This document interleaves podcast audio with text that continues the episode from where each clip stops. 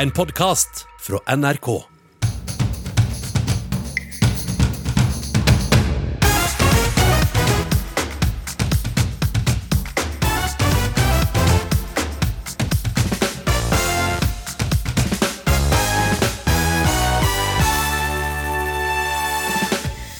De ville strømprisene i Sør-Norge hadde fått andre landsdeler til å ta fram bunader og fakler i protest, sa Oslo-politiker denne uka. Søringene trenger ikke klage, de kan tross alt skru av varmeovnene halve året, svarer Nordlys-kommentator. Husker du iPoden?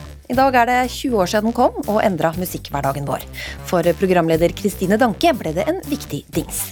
Og det eneste liksom, apparatet jeg kunne høre på musikk for meg selv med og bevege meg med, var jo nesten iPoden. fordi før det så blei det jo bare måtte jo sitte stille, for hvis ikke så begynte de å hakke og hoppe og alt mulig rart. da.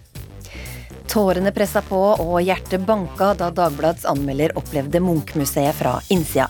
Mens Morgenbladets mann synes Gardermoen er hyggeligere. De tar debatten her i Ukeslutt.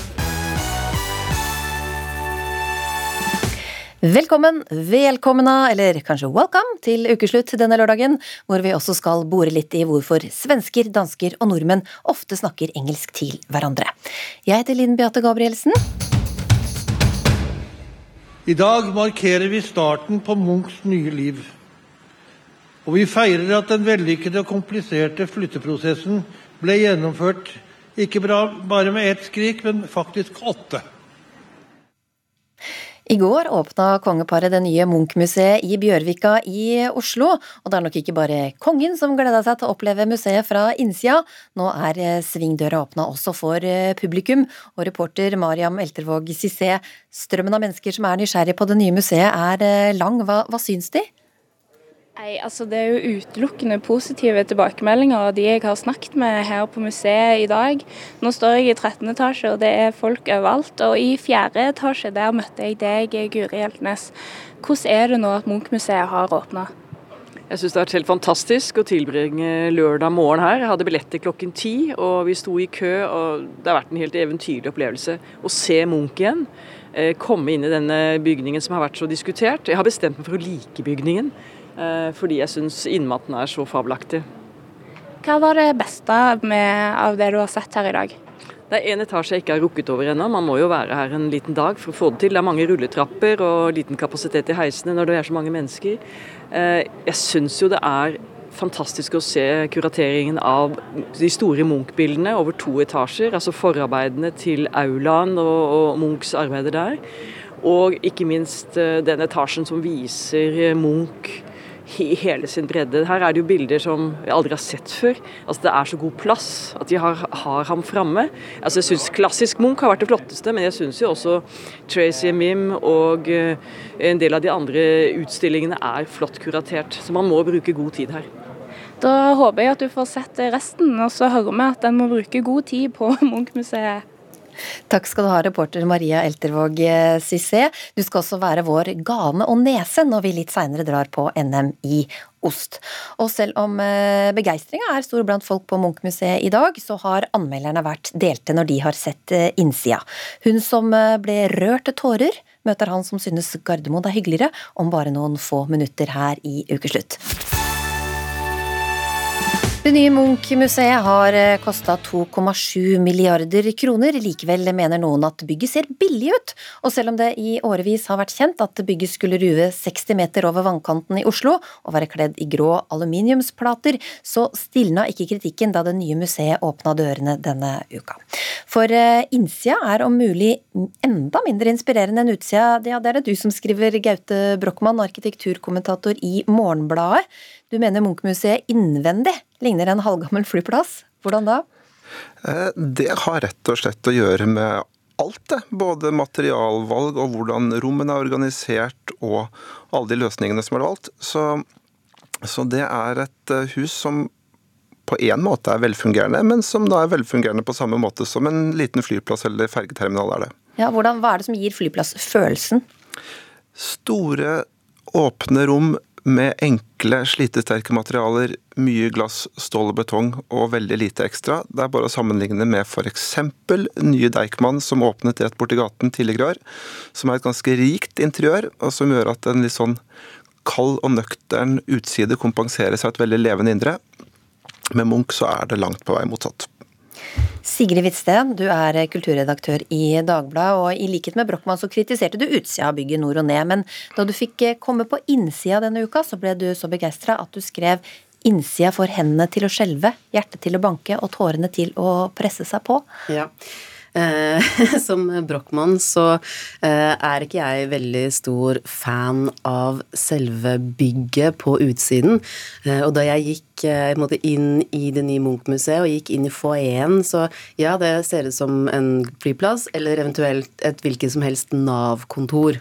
Så jeg hadde egentlig ikke veldig lave forventninger, men så gikk jeg inn i den første utstillingssalen. Og det var da jeg plutselig fikk denne veldig sånn, nesten sånn fysiske reaksjonen på Munchs kunst. For i all den diskusjonen som vi har hatt rundt Lambda-bygget, så har vi nesten glemt den kunsten som den faktisk skal romme. Og etter så mange år med fram og tilbake og politisk dragkamp på hei og hå, så har vi endelig fått gode rom å vise Munchs kunst i. Og da sto jeg der og tenkte at vet du hva, bygget er stygt, men det er søren meg verdt det. For den kunstneriske opplevelsen å bare stå der og oppleve Munch er for stor. Altså den er større enn selve bygget, vil jeg si. Brochmann, hvorfor er det viktig? Hvorfor er bygget også viktig, og, og, og det innvendige, bortsett fra utstillinga? Eh, ja, Det er jo nesten som man ikke skulle behøve å forklare. Du kan jo si at, La oss si operaen vår, da, f.eks. Selve operaopplevelsene kunne du jo fått i et hull i bakken. Du kunne bare gravd et hull ned, så kunne du sitte der og høre på musikk. Sånn at det at bygningen gir en merverdi, at god arkitektur gir en merverdi, det tenker jeg at det behøver vi ikke å sitte og forklare. Og så er det dette her med at Munch i seg selv er en så stor kunstner, og opplevelsen av kunsten er så stor, at det er en sånn kjempeopplevelse i seg selv. Helt enig. Men da kan vi bare si at da får det bli en kunstdiskusjon, og så kan man bare droppe arkitekturdiskusjonen. Jeg hører jo da at jeg har bestemt meg for å like bygningen. Det er jo liksom den uttalelsen som kom her i sted fra en besøkende. Og som eh, Sigrid også skriver, bygget er en skandale, men jeg innser at dette er irrelevant. Og Hvis du tenker at et skandalebygg er irrelevant, så er det jo på en måte ikke noen arkitekturdiskusjon igjen. Da blir det jo en diskusjon om kunsten. Og det er også helt greit. Men jeg tenker jo da, eh, som arkitekturskribent, at det er verdt å diskutere arkitekturen også. Ja, Sigrid Witzen, er det ikke viktig at også bygget skal gi deg en litt sånn høystemt følelse når du, når du går inn? Altså, Jeg er jo som sagt helt enig med Gaute Brochmann om at mm. både innsiden og utsiden eh, på alle måter eh, kunne vært flottere. Eh, men vi har jo diskutert dette bygget her nå i ti år og mer enn det.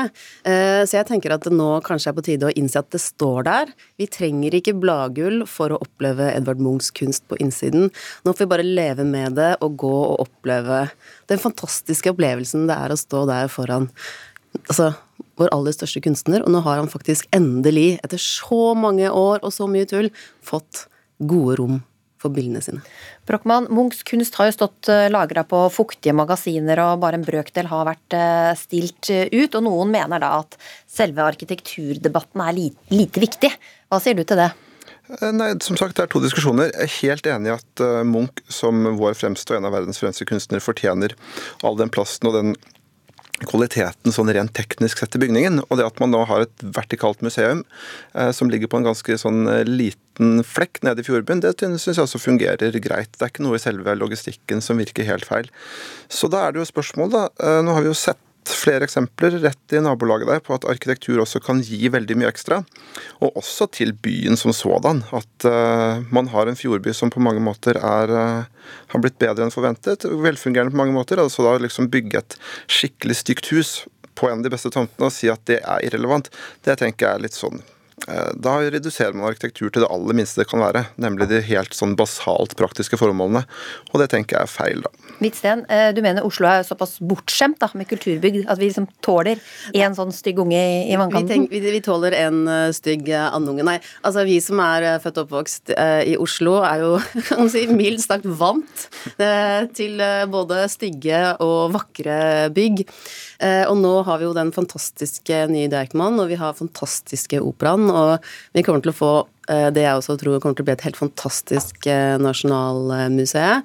Da tenker jeg at ok, da. Da kan vi bare leve med at eh, den står der som en slags torn i øyet. fordi at innsiden er så fantastisk. Vi har også med altså, oss museumsdirektør Stein Olav Henriksen. Gratulerer med nytt museum.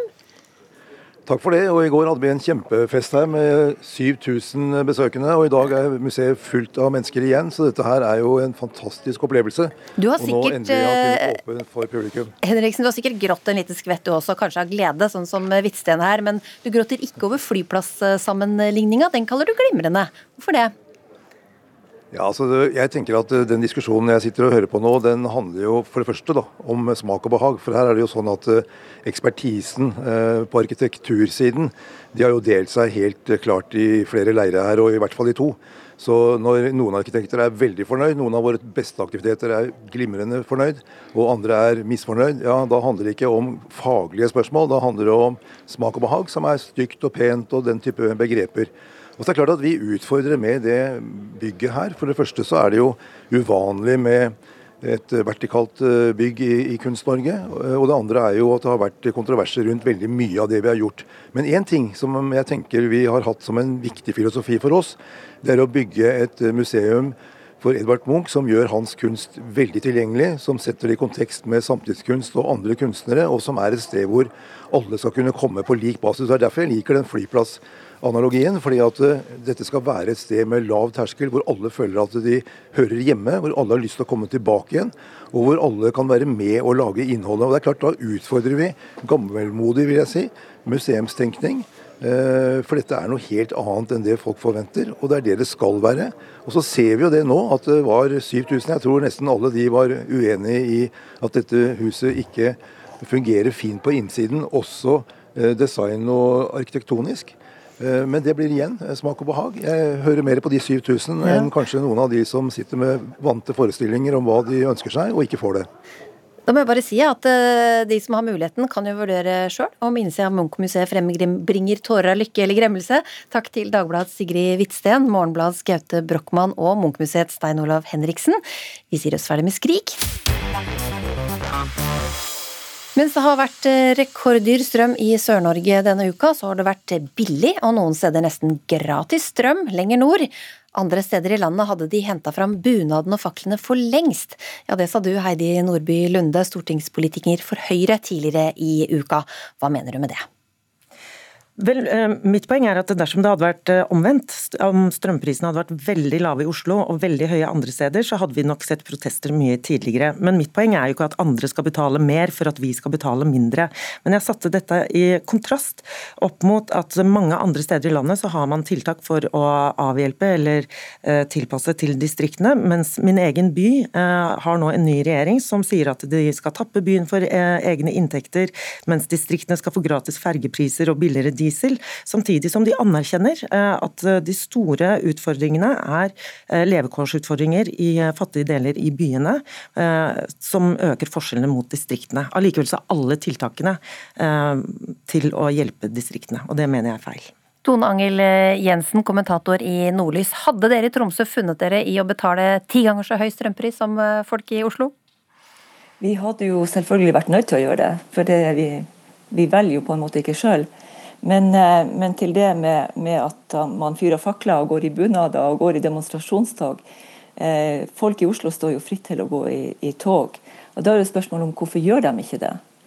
Og Jeg tror det er fordi at eh, folk i Oslo har, de har Dagsrevyen, de har Dagsnytt 18, de har TV 2-nyhetene, de har alle nyhetsflaten, de har de store riksavisene sant, som tar denne problemstillinga opp og løfter den. Det, vil, det, skjer ikke med, med si, lignende problemstillinger fra distriktene. Det er i hvert fall veldig sjelden. Så sier ikke jeg at dette ikke er en viktig sak, for det er det. Fordi de strømprisene som har vært i Oslo, eh, og som kommer tilbake ganske sikkert, de er jo groteske. Så de har min fulle sympati, men når man ikke kler på seg bunad og fyre opp faklene, så er det for man har lettere tilgang. Man får satt saken sin på dagsorden, eller andre gjør det for den. Og Det er, er jo ikke tilfellet med, med distriktene. Hadde det vært like Hadde det vært eh, hadde fått like mye oppmerksomhet da, hvis det hadde vært eh, omvendt?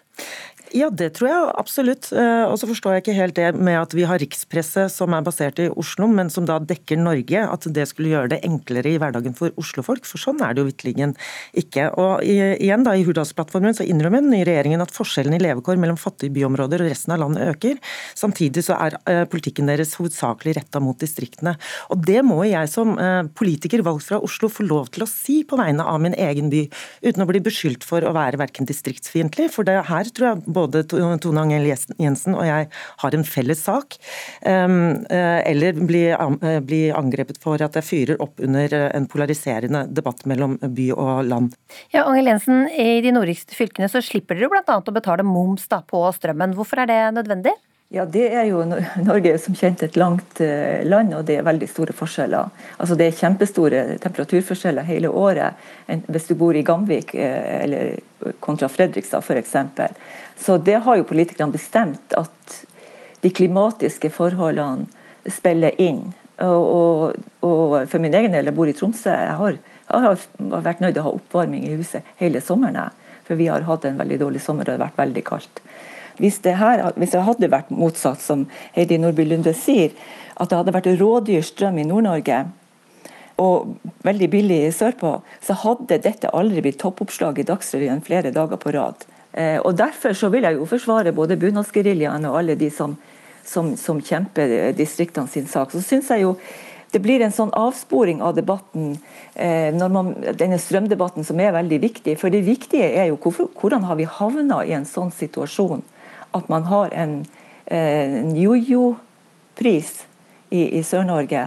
Det er jo av de spørsmålene som Heidi Nordby Lunde burde stille seg og svare på som, som stortingspolitiker. Hvordan havna vi der? Eh, et, et, land som Norge som flommer over av fornybar energi, hvordan kunne vi ende opp med svarteper i det europeiske energimarkedet. Ja, Det kan du få svare på, Lunde. Gjerne, fordi her er det jo to ting Angell Jensen sier. For det første, eh, man har jo vært oppmerksom på at det er klimatiske forskjeller mellom nord og sør, nettopp når man har tatt en politisk beslutning om at man ikke har MVA på strøm i nord. Det andre er jo at hvorfor vi har en jojo-pris, hvordan vi har kommet oss i den situasjonen, er jo fordi at det som gjør at strømpriser ofte varierer, og noen ganger ganske kraftig, er jo fordi at den er væravhengig. Vi er avhengig av at vi skal få vann for å ha vannkraftverk. Men mitt poeng når jeg kommer i studio både på Politisk kvarter mot kommunalministeren og Dagsnytt 18 eh, mot olje- og energiministeren, var ikke eh, nødvendigvis bare strømprisene, men å si fra om at det er andre ting den nye regjeringen gjør mot byene, ikke bare Oslo, men også Tromsø, Harstad, Bodø, som man burde være oppmerksom på. Og det må være mulig å tale byenes sak uten å bli beskyldt for å sette by og land mot hverandre, eller ikke være villig til å ta opp andre saker som berører andre land landsdeler. Angel Jensen, du skriver også i kommentaren din at politikerne i Oslo skjønner lite av resten av landet. Hva er det de ikke forstår? Ja, de, eh, altså Politikerne i Oslo skjønner lite av landet. Altså, det, det, ser man jo, det kan man jo f.eks. bare se på valgresultatet. Det er jo en grunn til at Senterpartiet har gjort det så bra og gikk, har eh, nå sittet i regjering. Sånn at eh, den store forståelsen for distriktene, den, den, tror jeg faktisk ikke man har hatt. Verken i i regjeringa Solberg eller i regjeringen før, før, den tid også, for den del. Men altså, jeg må jo innrømme at Da vi måtte vente et år på å sette ned urna til mormor på Sjursnes i Troms pga. tæla, så eh, har jeg vel en viss forståelse for forholdene i landsdelen der mamma er fra. Da er det kanskje lurt, da. Det er litt høye strømpriser her i sør, så ikke enda flere kommer og bosetter seg i det trange Oslo. Tusen takk skal dere ha. Nå skal vi nøyaktig 20 år tilbake i tid. It's beautiful, and this is what the front of it looks like. Boom. That's iPod. I happen to have one right here in my pocket, matter of fact. There it is, right there. Dette er Steve Jobs, grunnleggeren av Apple, som på dagen i dag for 20 år siden for første gang viste fram en iPod. Musikkspilleren var starten på slutten for eh, CD-platene, og var med på å endre hvordan vi kjøper og hører på musikk. Vi dro ut for å teste folks hukommelse. Kjenner du igjen denne her? Ja, det, var, ja, det er en sånn musikkspiller. iPod. ja. ja. Ja Jeg hadde den, ja. Den er hvit, har en rund skive og en skjerm. Tynnere enn en kortstokk, og du kan ha den i lomma. Dette var den første utgaven av iPoden. Her kunne du lage din egen spilleliste med opptil 1000 sanger. Og kanskje hørte du på denne låta.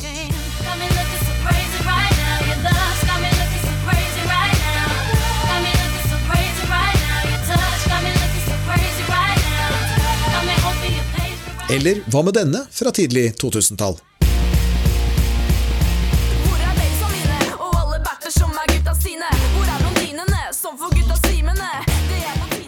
Og låta 'Jenteinvasjon' tar oss med til artisten. Og en liten dings. Nå har jeg altså foran meg en liten Dette, dette her er vel det som var en iPod Nano. Kristine eh... Danke, rapper og DJ, men ikke minst kjent som programleder gjennom mange år her i NRK. Nå møtes vi på hennes nye arbeidsplass for en prat om et lidenskapelig forhold til iPod. Det er liksom noe jeg har brukt dritmye, og som jeg husker skikkelig godt at jeg har gått i gatene Eh, kald høstvind har blåst i fjeset, håret har liksom viftet bakover, og jeg har gått og rappa tekstene til mine favorittrappere, hvis du skjønner. Og det eneste liksom, apparatet jeg kunne høre på musikk for meg selv med og bevege meg med, var jo nesten iPoden. fordi før det så blei det jo bare Måtte du sitte stille, for hvis ikke så begynte du å hakke og hoppe og alt mulig rart, da. Hvor glad var du i iPoden din, på en skala fra én til ti? Det må jo ha vært oppe på en god nier, tenker jeg. Men Kristine Danke var slettes ikke alene. iPod ble nærmest allemannseie. Men hva var hemmeligheten bak suksessen? Jeg spør musikkviter Audun Molde. Ja, jeg tror at Grunnen til at iPod slo så godt an, det var at den ble et livsstilsprodukt. Og Egentlig så er jo iPod bare en ekstern harddisk, teknisk sett. Men den skapte følelser som ingen harddisker pleier å skape. Apple solgte den som et symbol på, på ungdom, på individualisme, på frihetsfølelse. De solgte den med akkurat den samme kampanjen som Sony hadde gjort med sin kassett-Walkman 20 år tidligere. Og mannen bak blant annet boken Pop, en historie, har også gjort et regnestykke på hvorfor iPod med sine 1000 sanger slo knockout på CD-spilleren. Eh, fordi at Hvis du eh, legger åtte kilo CD-plater på kjøkkenvekta, da har du 1000 sanger. Og hvem er det som går rundt med åtte kilo i sekken hvis du kan ha med en iPod? Det var ikke så lett å se hva det var. Devil, Devil. Adam Douglas er hun her, i hvert fall. Der var det. Der var det en løsøre. Vi er i en platebutikk i Oslo, og blant hyllemeter med vinyl leter Steinar Wikan etter musikk av DumDum Boys, og finner det så vidt. Der var det noe. Med et annet cover. Men ikke noe gammelt. Han minnes en tid da musikkbransjen slet med ulovlige nedlastinger og fildelinger. Og som manager for DumDum Boys hadde han ikke troen på iPoden da den kom. Nei, det oppfatta jeg som bare noe nymotens tull som jeg ikke helt forsto vitsen med. Men så? Men etter hvert så forsto man jo at det her var en god erstatning for en kassett-walkman eller en CD-walkman. og At man hadde en uendelig mer større kapasitet på Du kunne ha med masse låter ut på reise. Jeg er en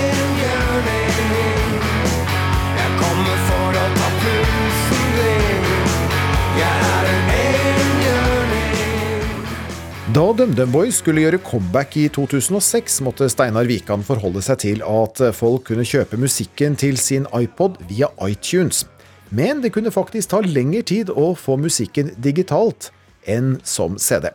Ja, Den gangen var det da ironisk nok sånn at du måtte sende et fysisk eh, lydbærer til California, sånn at de kunne laste den opp, sånn at folk kunne kjøpe det på internett her hjemme. Det var jo relativt ironisk, og det tok månedsvis før det var tilgjengelig. Den opprinnelige lille hvite dingsen fikk andre farger og ble stadig mer avansert, men alt har sin tid, også for iPoden. Tungvint nedlasting og musikkjøp ble etter hvert parkert av Apples nye oppfinnelser. Ikke minst iPhone og de nye musikkstrømmetjenestene. Så hvor har iPoden blitt av hos folk? Eh, den har nok gått til eh, Elkjøp eller en av de returstasjonene der. Den er nok eh, Jeg er sånn notorisk samler, så den er nok i en skuff i barndomshjemmet et eller annet sted. Men for programleder Kristine Danke har den fortsatt en fremtid hos henne, på visse betingelser. Men det må være enkelt å få på plass spillelistene, bare. Og funke uten dekning. Da ønsker jeg den velkommen tilbake. Reporter var Vidar Sem.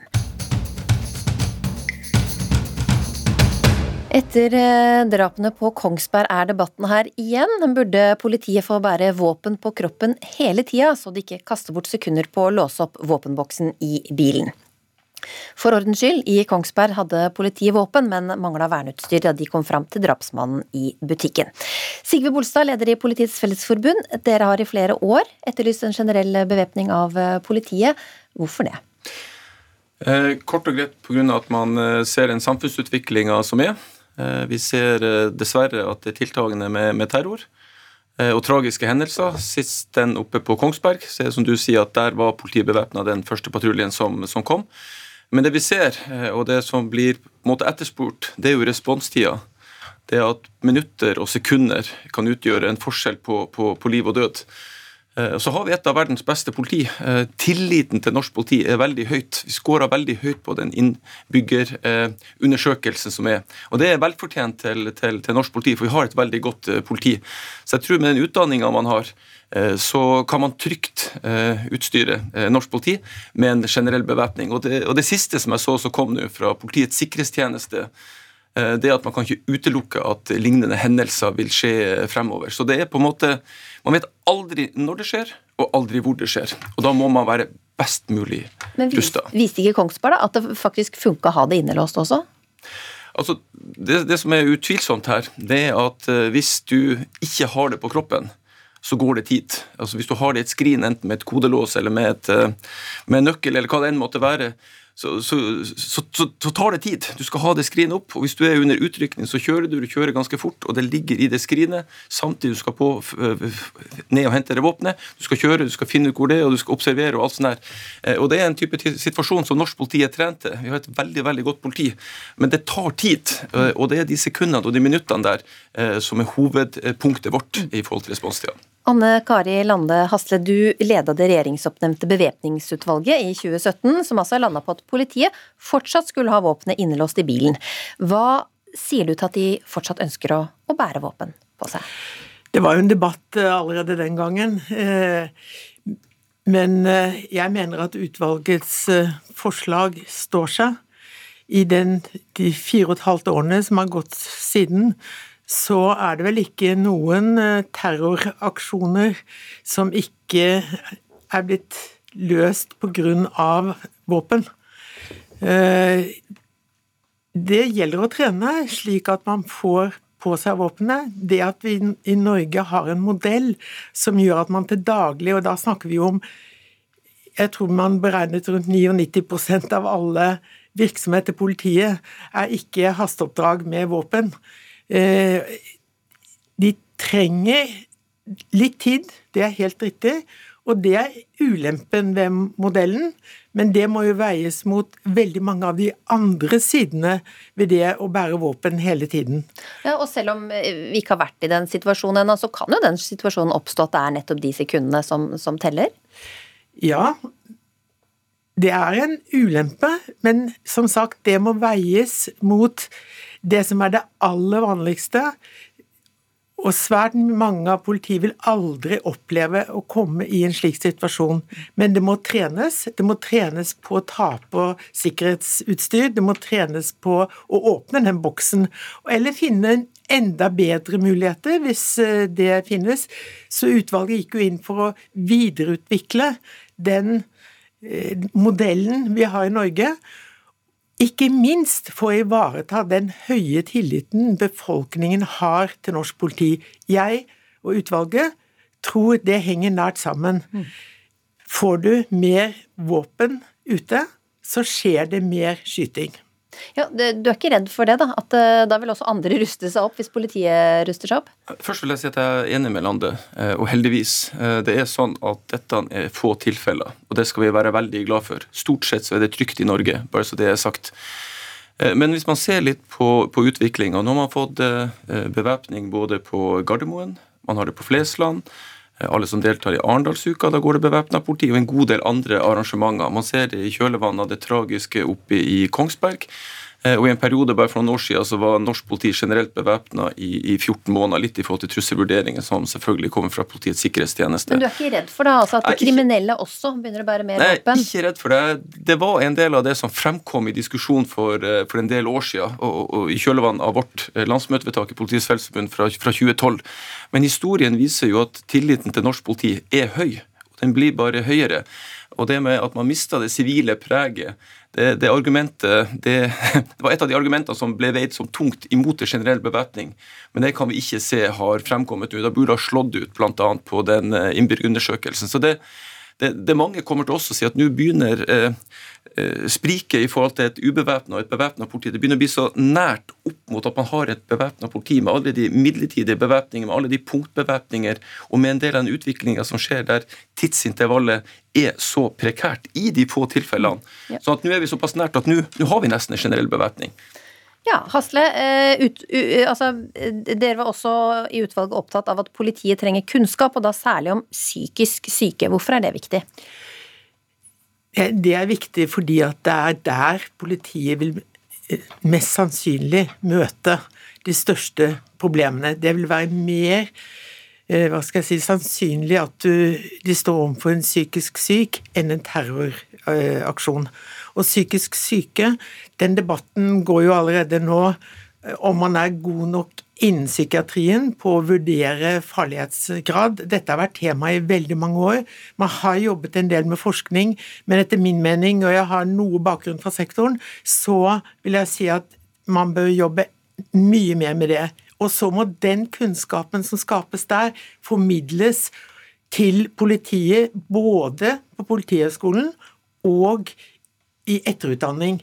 For her er det mye som kommer til å skje, og jeg tror at samarbeid mellom politi og helse på dette feltet kan kanskje være det som kan forebygge flere tragiske situasjoner enn veldig mye annet. Hva tenker du, Bolstad, er det noe dere trenger? Mer kunnskap om psykisk syke? Ja, mer kunnskap, gjerne det. Men man må jo selvfølgelig ha en klar sånn skillegang mellom hvem, eh, hvem, sitt ansvar. Men jeg er veldig enig med det som eh, Lande sier. Jeg syns du sier mye, mye klokt. Eh, og, og, sånn sett så er vi kanskje mye mer enige enn det av og til kan høres ut som.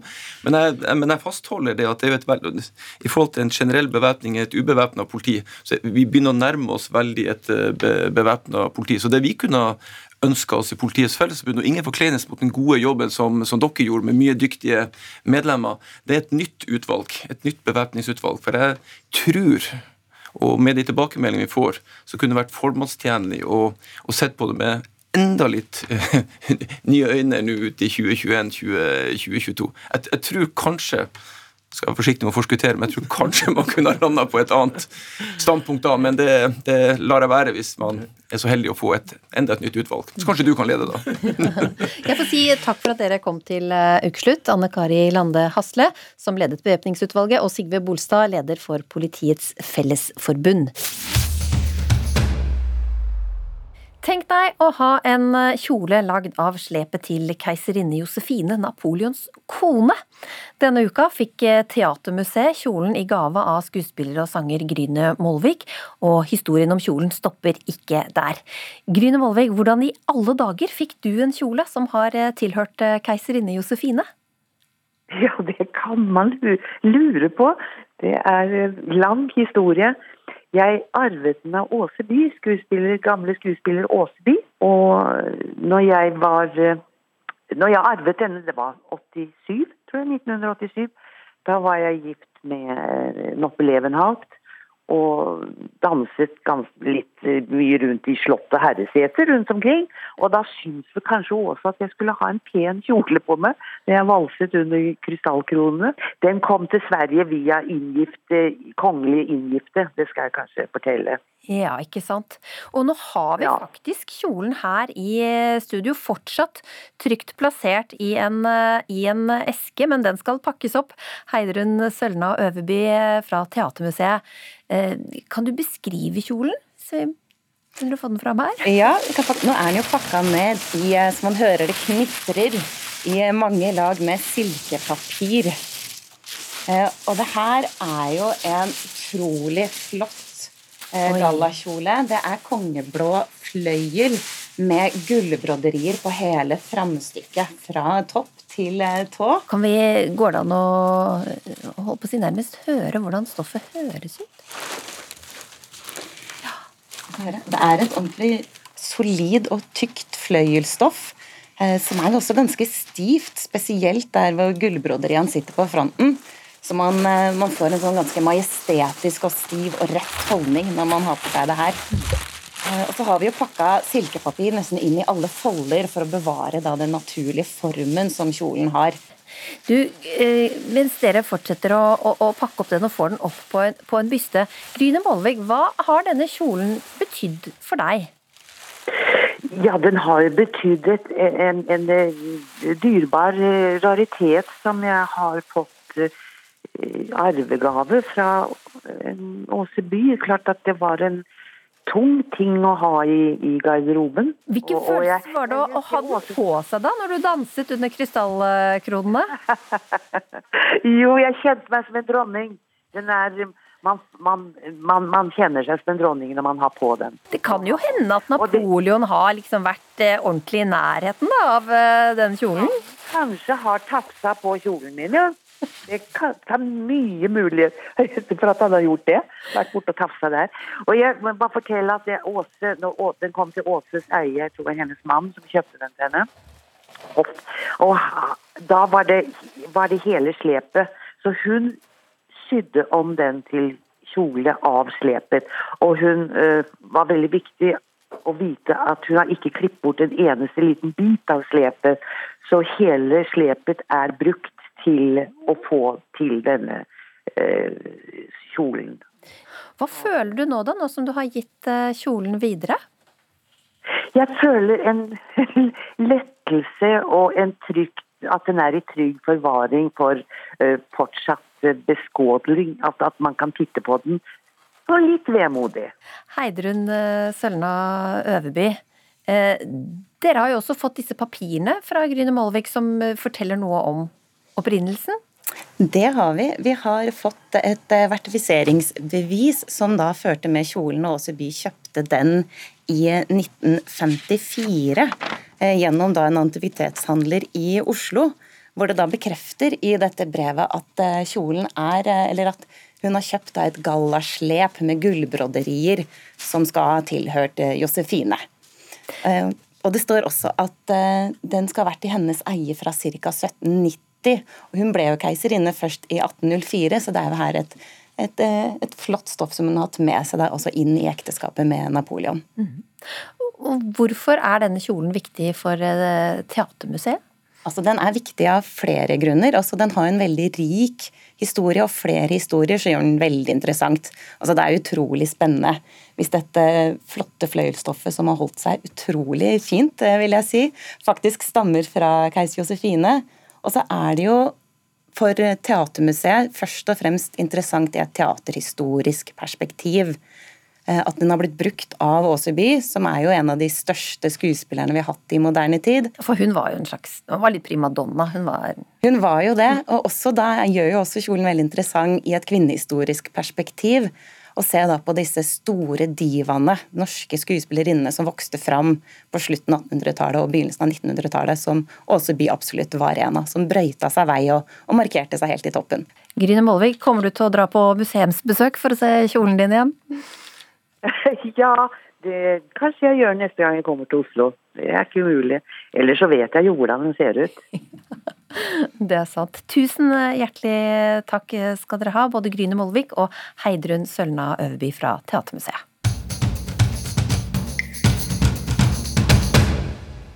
Så er spørsmålet skjønner du egentlig hva svensker og dansker sier? Nei, men jeg vet ikke om vi kan jobbe sammen. For at, nei, han, han, vi går ikke på et av... Ah, kom nå, for faen! Skräp for helvete! Nej, uh, rør ikke meg. Gjør ikke det. Du får ikke gjøre så. Ah, for fan, altså. Ja, men da sier vi det, da. Jeg gir litt ekstra penger, og så, og så gjør vi det.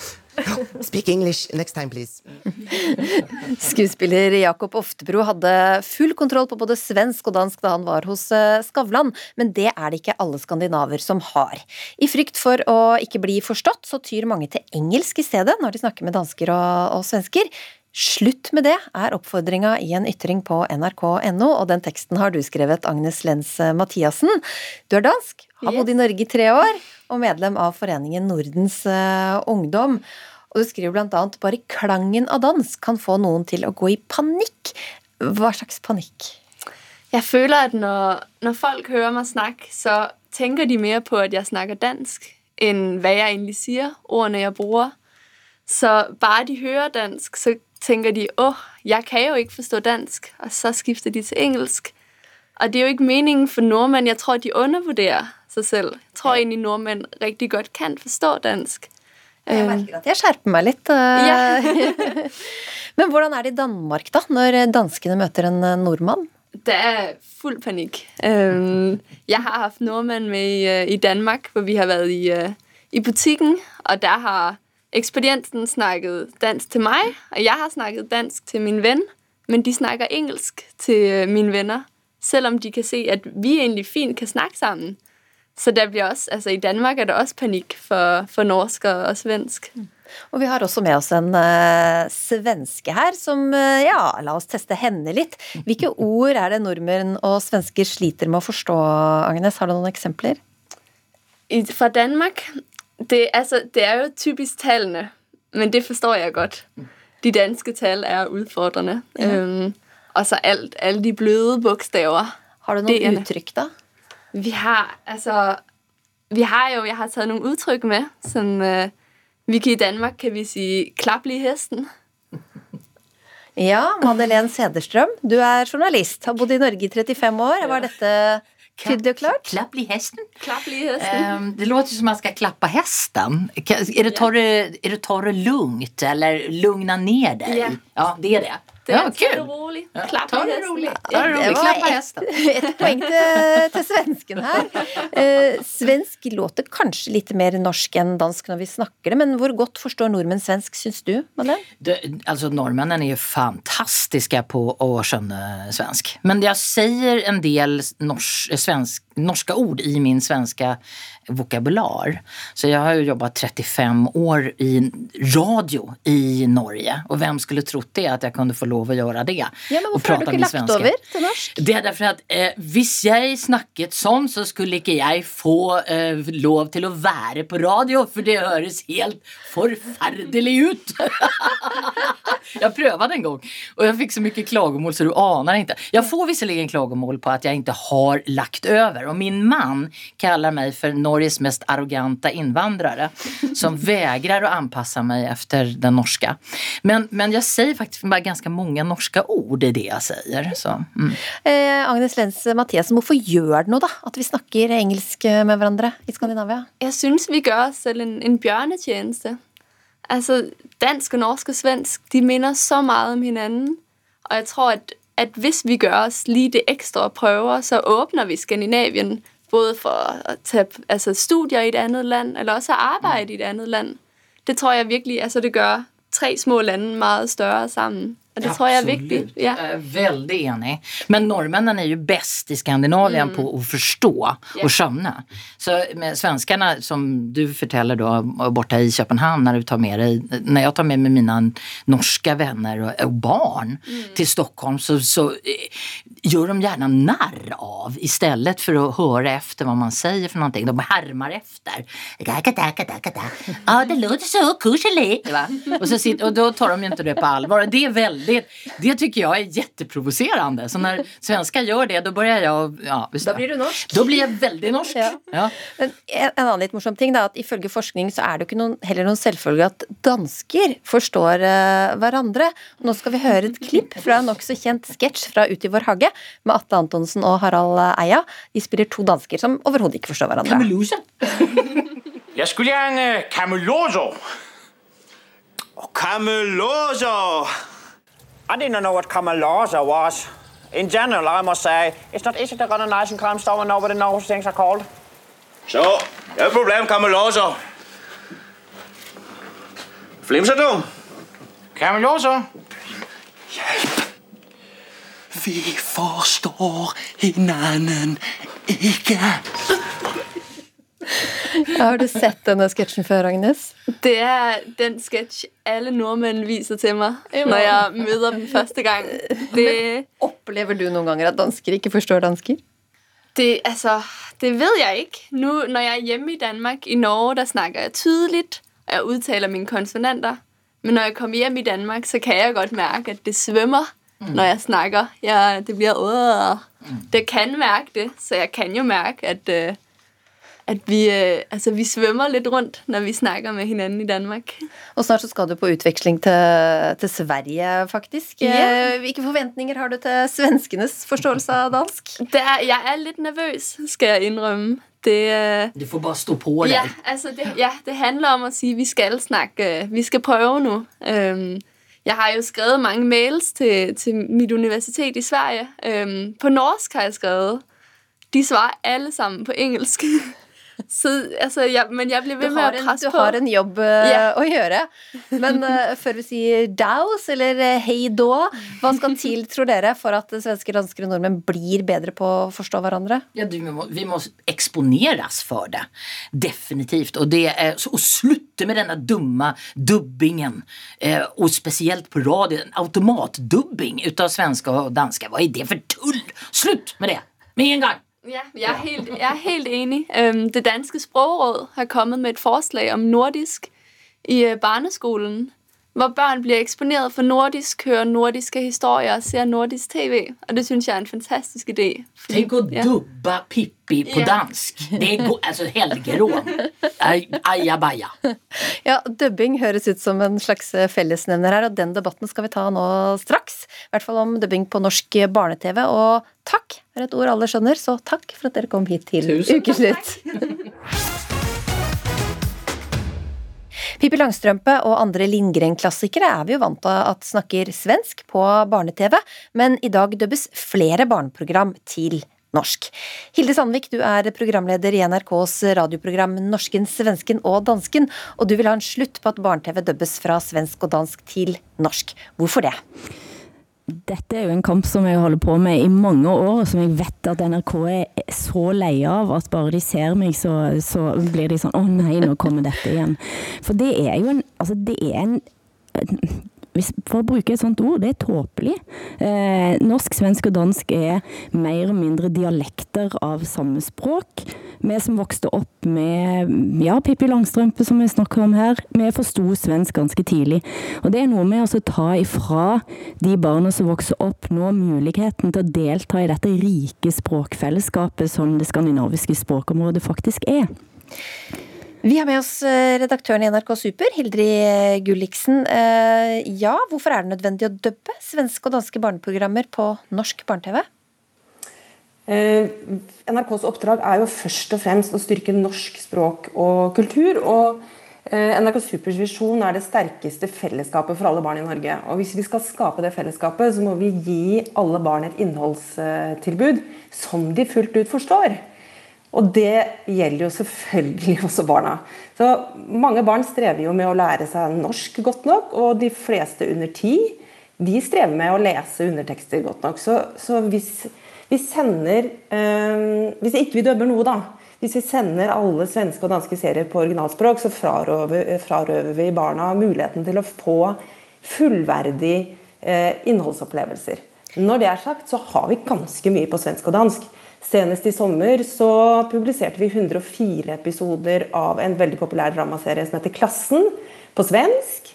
Og vi eh, skal nå snart publisere en serie på dansk som heter eh, Skyldig. Og til Mad Madeleine Sederstrøm så må jeg bare si altså Pippi og Emil er på svensk på NRK Super. Så no worries, som vi sier. Hilde Sandvik, det er vanskelig nok å, å, å lære norsk, hører vi det her. Hvorfor skal vi prakke på barna svensk og dansk også? Altså det, igjen så høres det ut som at en tar et voksenperspektiv og går inn i hodene på barn og sier hva barn syns er vanskelig og, og ikke vanskelig. Eh, og det er det ingen forskning som, som tyder på at har noe for seg.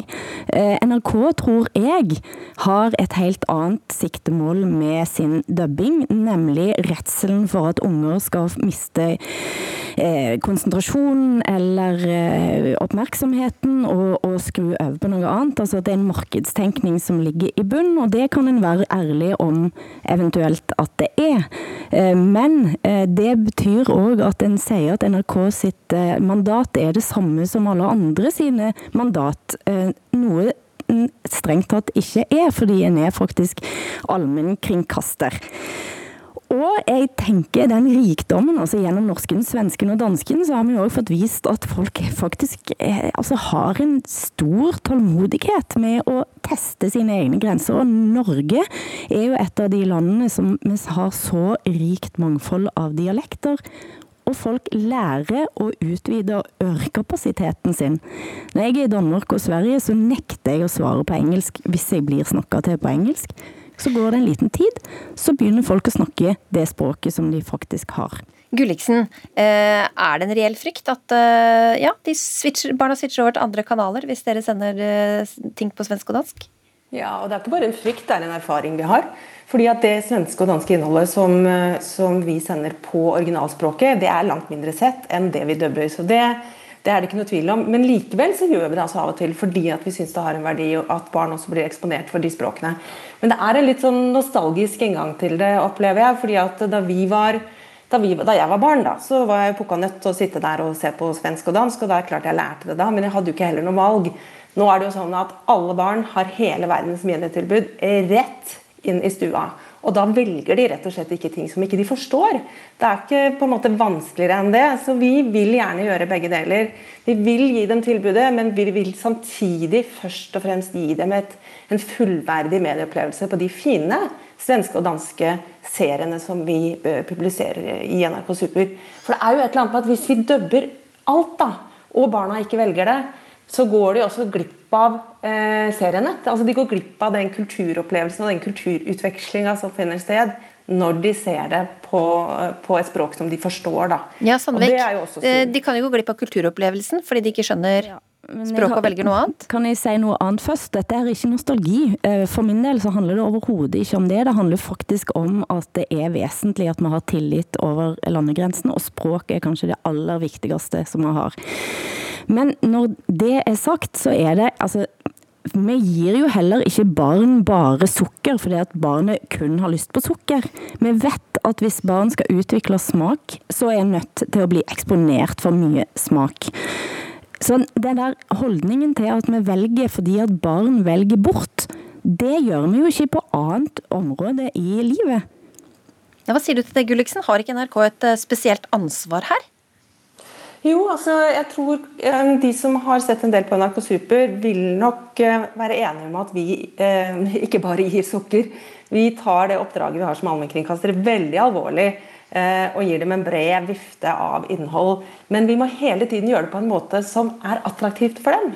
Som gjør at de faktisk velger det.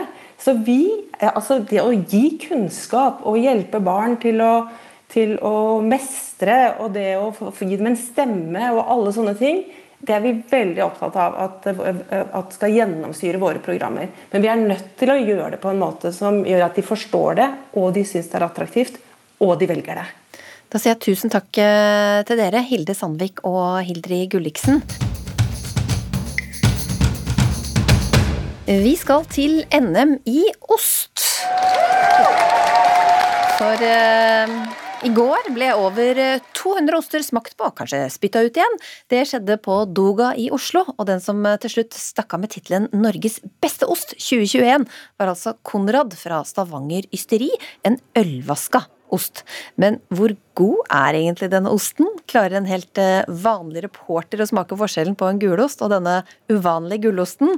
Reporter Mariam Eltervåg Cissé, du har nå kommet etter Mathallen i Oslo, hvor flere av eh, ostene fra Ostesmesterskapet i går nå blir presentert for alle og enhver. Hvem er det du har med deg?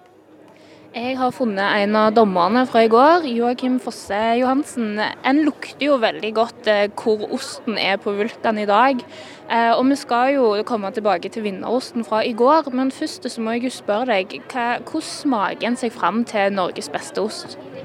Eh, det er jo ikke bare smaken som teller, men smaken er viktig. Vi bruker òg utseende, lukt og karakter. Vi ser etter mange ting. Og, og da finner vi den som gjerne har en særegne trekk eh, og er litt spesielle. Det er ofte de som hever seg mest. Eh, nå er det jo faktisk et helt vilt bra utvalg av norske oster, og norsk ost er jo virkelig framover nå. Eh, og vi, jeg tør å si at norsk ost det hever seg i verdenstoppen.